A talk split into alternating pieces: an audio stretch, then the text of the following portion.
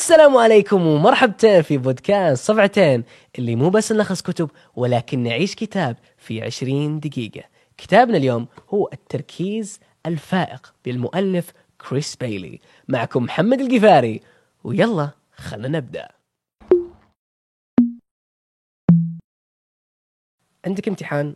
عندك عمل لازم تخلصه؟ كم مرة حاولت صدق تجلس وتخلص عمل؟ يعني تنجز شيء؟ تتكيسل تهج ولا يعني يصير شيء. أنا أقدر أتكلم عن نفسي هذه صراحة ملخص حياتي. لكن هذا الكتاب يقول عبارة عجيبة. سر للإنجاز هو الاسترخاء. نعم يا جماعة الخير سمعتوني صح. سر الإنجاز هو الاسترخاء. شو؟ شو الكلام هذا؟ هالكتاب ذا فيه علوم وفيه أسرار. فخلنا نبدأ يا جماعة الخير. لو بلخص الكتاب في ثلاث كلمات أنا بقول الإنجاز الاسترخاء والإبداع. تفهمون بعد شوي ليش اخترت هذه الكلمات. المؤلف لهذا الكتاب اسمه حبيبنا كريس بايلي هو يتكلم ويطب في العميق على طول ويقولنا عن التركيز الفائق. وش هو التركيز الفائق؟ التركيز الفائق عندما تجلس وتركز على مهام واحد اللي ودك تنجزه. يعني مثلا ودك تراجع إنك تجلس وتركز على هذا الشيء. طبعا التركيز الفائق عرفها كريس بايلي بأربع خطوات واضحة فخلنا ندخل واحدة واحدة في هذه الخطوات. الخطوة الأولى اللي يقولها كريس هو أنك لازم تختار شيء واحد تركز عليه لأن إذا ما اخترت تبدأ تشتت نفسك. يعني مثلا حنقول ضربت إحنا بمثال اللي ودك تركز على مراجعة امتحان فقط بهذا الوقت ركز على مراجعة امتحانك. لا تسوي تركيز مراجع هنا وتقضية واجب هنا ومشي هنا وسواليف هنا لا. إذا جلست ركز على هذا الشيء الواحد. الخطوة الثانية وخر المشتتات اللي حولك. ترى يا جماعة الخير المشتتات ذولي لو رنت جوال تقطع تركيزك بشكل كامل. الخطوة الثالثة ركز على هذا المهام لحاله. لحاله لا تشتت نفسك بشيء ثاني. والخطوة الرابعة إذا بديت توجز ما في مشكلة. ارجع وحاول تركز على المهام مرة ثانية. رجع عقلك على طول. لا تعطي مجال. حبيبي ركز معي. أبيك ترجع وتفكر عن موقف جلست واشتغلت على شيء وتركيز كامل. بتلاحظ أن كل هذه الأربع خطوات موجودة بهذه الجلسة. أحيانا ندخل في هذه التركيز الفائق لكن ما نعرف وش الخطوات اللي لازم نطبقها حتى عشان ندخلها. يعني أول شيء إحنا قلنا أختر شيء واحد اللي تبي تركز فيه، البعض قد يقول واضح يا شيخ وش ذا تفلسف علينا، بس هي صدق أحيانا قد نجلس ونعرف ان لازم ننجز أشياء كثيرة في هذا اليوم، لكن بهذا التشتت أو إذا حطينا أشياء كثيرة أو ما حطينا هدف واضح يصعب جدا، أضرب لكم مثال، لو أنت بتركب سيارة وما تعرف وين رايح سلامات، يعني تخيلوا أنت ركب مشيت وركبت طريق القصيم وأنت بمكة، إذا ما حطيت هدف ببالك بتمشي بتمشي بتقضي بنزينك وبترجع البيت بالنهاية. فيجب يجب إنك تحط لو بس كلمة يعني ما نقصد هدف مكتوب لكن حط ببالك وش الشيء الواحد إذا جلست الحين ودك تنجزه. والثاني اللي ذكرنا إنه لازم توخر المشتتات أحيانا مثلا أنت جيت بتشتغل فتحت الكمبيوتر أو فتحت الكتاب تجي تكتب تجي تراجع تجي اللي هو قاعد تسوي. نخلي الجوال جنبنا. ترى هذه شتتك يا جماعة الخير. رنة الواتساب ذي أو رنة الجوال يمكن ما تشوفها شيء لكن ترى يبدي يشتغل عقلك.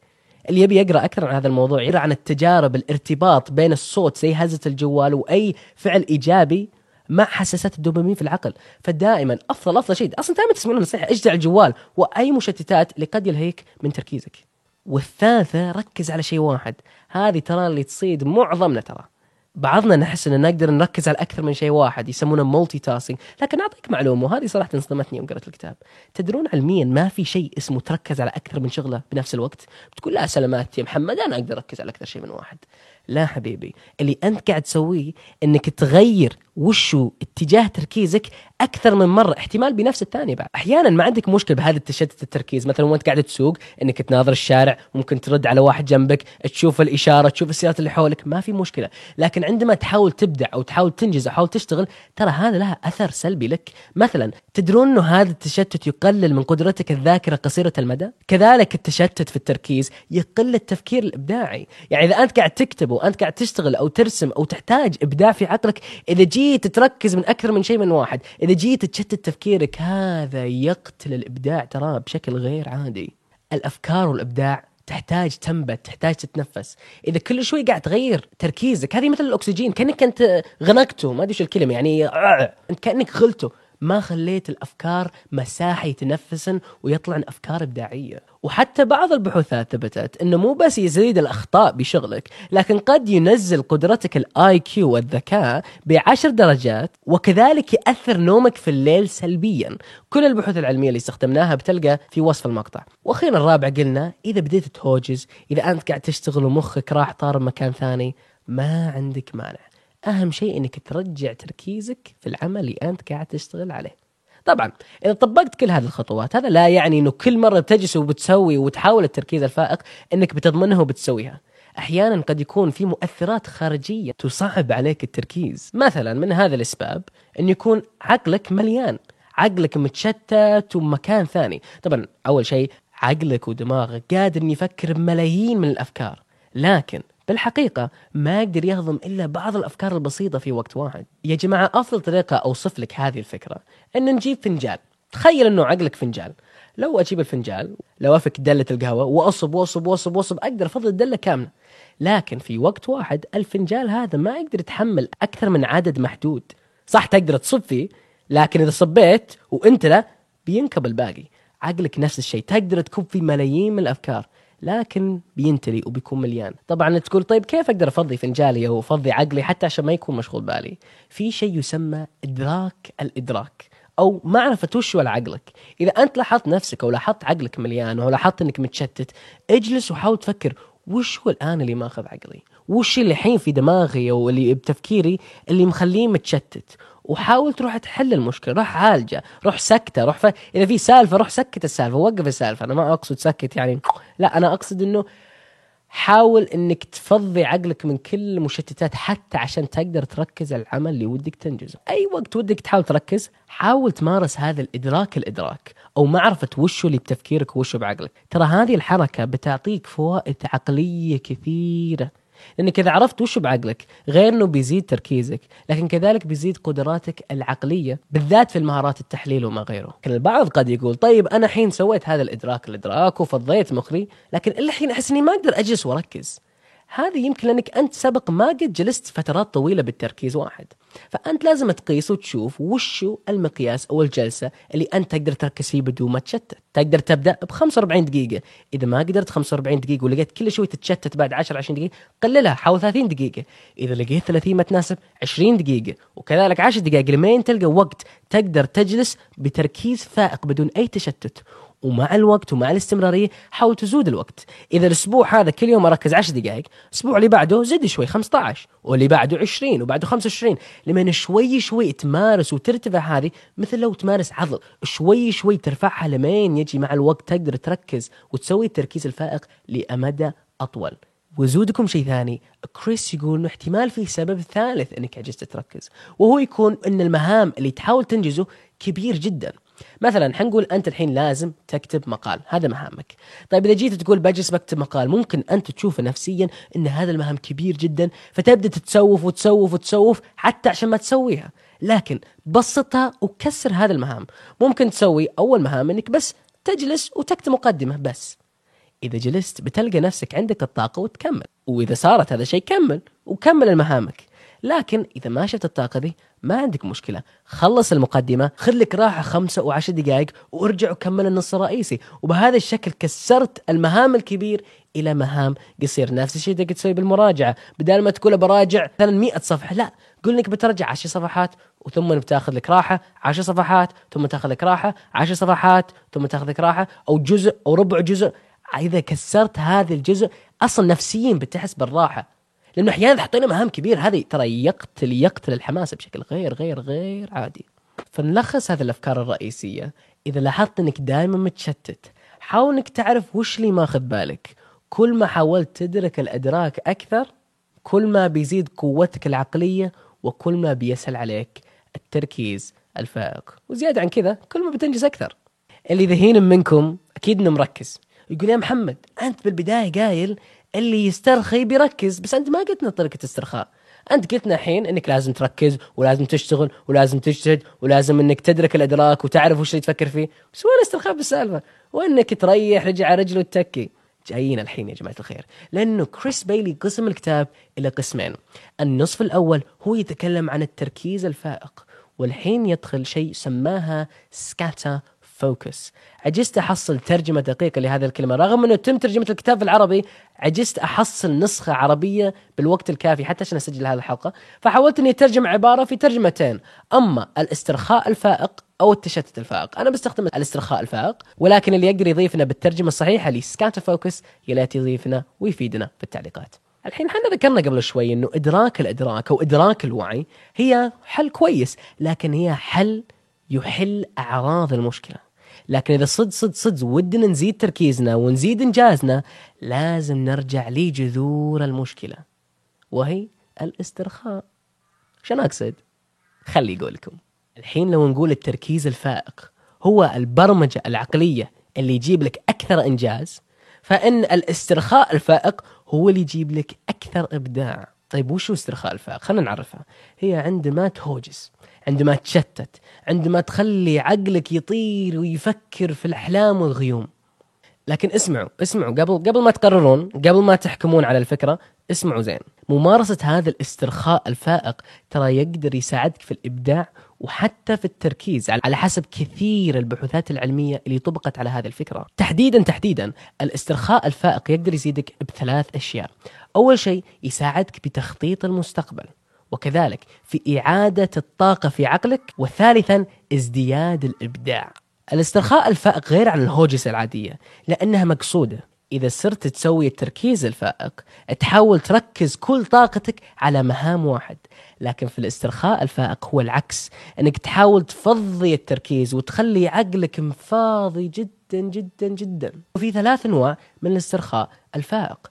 النوع الأول هو التصوير وهو عندما تسكر عيونك وتخلي تفكيرك وعقلك يهوجز قدر ما تقدر وتخلي الأفكار يتمشى وتجي أي شيء يجي ببالك تخليه ما توقف. يعني تختار لك وقت تختار لك وقت أنت فاضي. ممكن خمسة إلى عشر دقائق.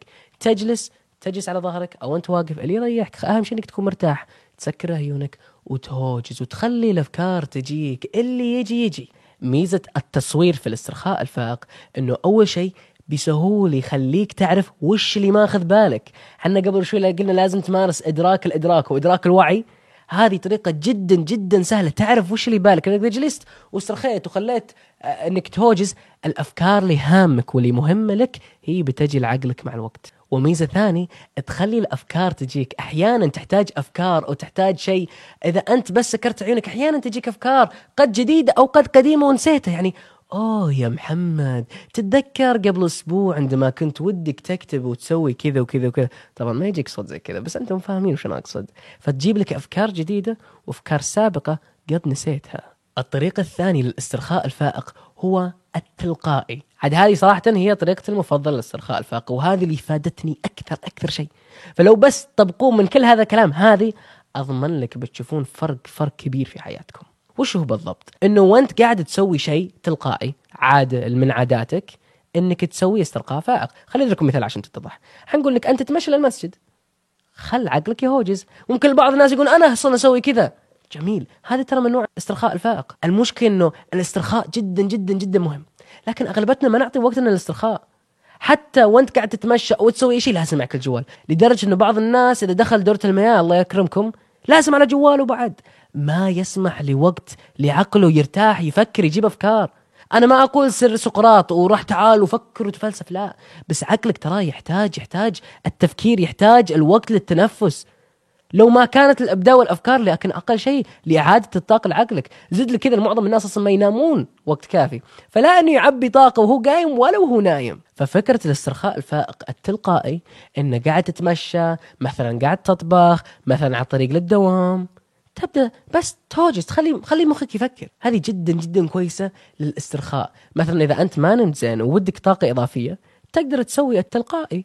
طبعا أكيد مو بيكون مثل النوم لكن ترى بتعطيك طاقة إضافية وما تحتاج وقت كثير. يعني بتشوف بتشوف الطاقة الإضافية لو بس من 5 إلى 15 دقيقة. وسبب ثاني إني أحب الاسترخاء الفائق التلقائي مرة مرة مرة.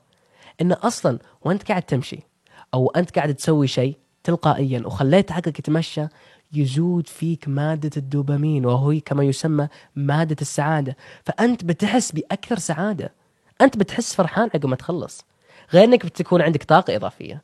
غير ما إنك بتسمح لنفسك لربط بعض الأفكار اللي فكرت فيها اليوم وبعض الأشياء اللي سويتها. لكن زيادة عن كل هذا بيخليك سعيد شوي. من اللي ما يحب السعادة يا جماعة الخير؟ طبعا أنا ما أقول بيخليك تفرح وتطير وتناقص لكن لو كانت سعادة شوية أزين من لا شيء بالعكس ممتازة. إذا ودك تطبقها جدا جدا بسيط. رح إذا أنت جاي تمشي أو مثلا إذا أنت جاي بتتروش أو إذا أنت جاي بتسوي أي شيء تلقائي لا تاخذ جوالك. خلك مع عقلك بالبداية ممكن بالذات إذا ما تعودت بتبدأ تمقرص وتناقز وتحكك وتسوي لكن عادي حبيبي. تعود عليه وبتشوف نتائج فلكية يا جماعة الخير. الأفكار الإبداعية فقط يأتي عندما تغذي عقلك بالاسترخاء الكافي. إذا ما أعطيت مساحة لعقلك انه يجيب أفكار مستحيل يجي لك فكرة إبداعية. باقي طريقة ثالثة للاسترخاء الفائق. ويا جماعة الخير إذا قلت لك إنها مؤثرة وقوة غير عادية فيمكنك ما تصدقني. الاسترخاء الفائق لحل المشاكل. هي مركزة لحل المشاكل. يعني إذا عندك مشكلة وتحتاج تحلها هذا الاسترخاء الفائق نوعيته أفضل شيء. طبعا ما تقدر تسويها في أي وقت وما تقدر تسويها في أي مكان. وكذا ليش؟ ما هي مثل سهولة التلقائي. ولكن إذا جلست وسويتها بتشوف نتائج فلكية. ركزوا معي. طريقته جدا جدا بسيطة. تجلس تسترخي تسكر عيونك مثل الثانيات. لكن إذا جيت تهوجس تخلي فكرة واحدة بعقلك فقط. يعني فكرة واحدة وهذه هي مشكلتك. مثلا حنقول عندكم مشكلة رياضية. اعذروني اللي عنده امتحانات لكن أول شيء جاء ببالي. سكر عيونك. ممكن تسدح. وتعال حط الفكرة ببالك. وخل عقلك يتمشى. وكل ما لاحظت إنه عقلك بعد عن هذه المشكلة رجك عقلك فيه لا تحس في الضغط لا تحس في القلق لازم إنك تكون مسترخي. لكن وش اللي بتسوي الحين؟ عقلك الباطن اللي أقوى من عقلك الواعي بعشرة آلاف مرة بيبدأ شوي شوي ينقط بعض الأفكار لعقلك الواعي وبتشوف حلول فلكية. ممكن ما تشوف نتائج من أول جلسة 5 ل 15 دقيقة فجرب مرة ثانية جرب مرة ثالثة. لكن بتلاحظ مع استخدام الاسترخاء الفائق لحل المشاكل. هذه النوعية الخاصة بتحل مشاكل كثيرة لك. لكن ما أنصحك تستخدمها إلا المشاكل اللي تسوى. وحتى التلقائي ترى يقدر يحل لك مشاكل. مثل ما ذكرت التصوير والتلقائي كلنا تجيب لك حلول المشاكل. فكذا ليش اعتمد على هذه الحل المشاكل الثالثة فقط للمشاكل الكبيرة اللي يحتاج استخدام العقل بقوة. لأنه ميزته يقدر يجيب لك حلول مو واضحة على طول. يجيب لك حلول من منظوره مختلفة. يا جماعة الخير البعض قد يفكر طيب محمد أحس أغلب اللي ذكرت يعني مو شيء جديد. ليش أنت منهبل بهذا الكلام؟ اللي أنا صدمني هو مو نفس الأفكار لحاله رغم إنها قوية مؤثرة. هي الفكرة اللي خلفهم. ليش مو قاعدين نستخدم هذه الأشياء؟ ليش ما نعرف عن التركيز الفائق واسترخاء الفائق؟ السبب هو لأن التكنولوجيا والإنترنت دمرت عقولنا. الآن قدرتنا على التركيز كل ما قاعد يقل ويقل. أنت فكر معي أصلا قبل خمس سنين ما عندك مشكلة تتابع مقطع 10 20 30 دقيقة في اليوتيوب لكن الحين يلا يلا تكمل مقطع تيك توك 20 ثانية. وش معنى الكلام هذا؟ فلازم نحاول إن نطول قدرتنا على التركيز وما نخلي التكنولوجيا تقل وتقلل رغم ما حاولت. سبب ثاني ما نحب الاسترخاء الفائق هو لأنه عادة تركيزنا التركيز البشري يهتم بثلاث أشياء. الأشياء الممتعة الأشياء النادرة وأشياء اللي تخوف. الاسترخاء الفائق لا هو من هذه الثلاث أنواع لكن أنت إنسان وعندك عقل وقادر على التفكير. ربي خلقك بعقل قادر تفكر لنفسك. فأنا بقول لك شيء دامك الحين أنت عرفت كل المميزات بالتركيز والاسترخاء الفائق هل بتخليها على جنب؟ بتجدعها وتقول يا شيخ ما له فائده ولا هل بتستخدم هذا الإسرار الجديد اللي عرفته من هذا الكتاب وبتستخدمها مع توفيق الله سبحانه وتعالى حتى تنجز خطوة جديدة في حياتك؟ تتفوق على اللي حولك لأنك أنت عندك معلومات قد ما يعلمون. وبعطيك نصيحة. علم اللي حولك عن هذه المعلومات. لا تمسك العلم لنفسك. كل ما ساعدت الآخرين كل ما بيبرك لك الله سبحانه وتعالى أكثر. قلنا أول شيء عندنا التركيز الفائق والاسترخاء الفائق. التركيز الفائق نستخدمه عندما نبي ننجز شيء. نبي ننجز مهام نبي نراجع المدرسة نبي نخلص مهام. والاسترخاء الفائق هو اللي يخلينا نركز هو اللي يفضي مخنا هو اللي يعطينا قدرة على الإبداع وهو اللي يساعدنا على حل مشاكلنا. إذا استخدمناهم مع بعض بتلاحظ أن الإنجاز في حياتك بتزيد بشكل مذهل. فنرجع للكلمة اللي قلتها في البداية. إذا ودك تزيد الإنجاز في حياتك لازم تزيد الاسترخاء. لكن ترى مو بأي استرخاء الاسترخاء الفائق. لكن الله أعلم. هذا اللي مكتوب في الكتاب وأنا محمد القفاري. إن شاء الله أنكم استمتعتوا في هذه الحلقة من بودكاست صفحتين اللي مو بس نلخص كتب ولكن نعيش كتاب في 20 دقيقة. يلا عاد يا جماعة الخير. مع الله. مع السلامة.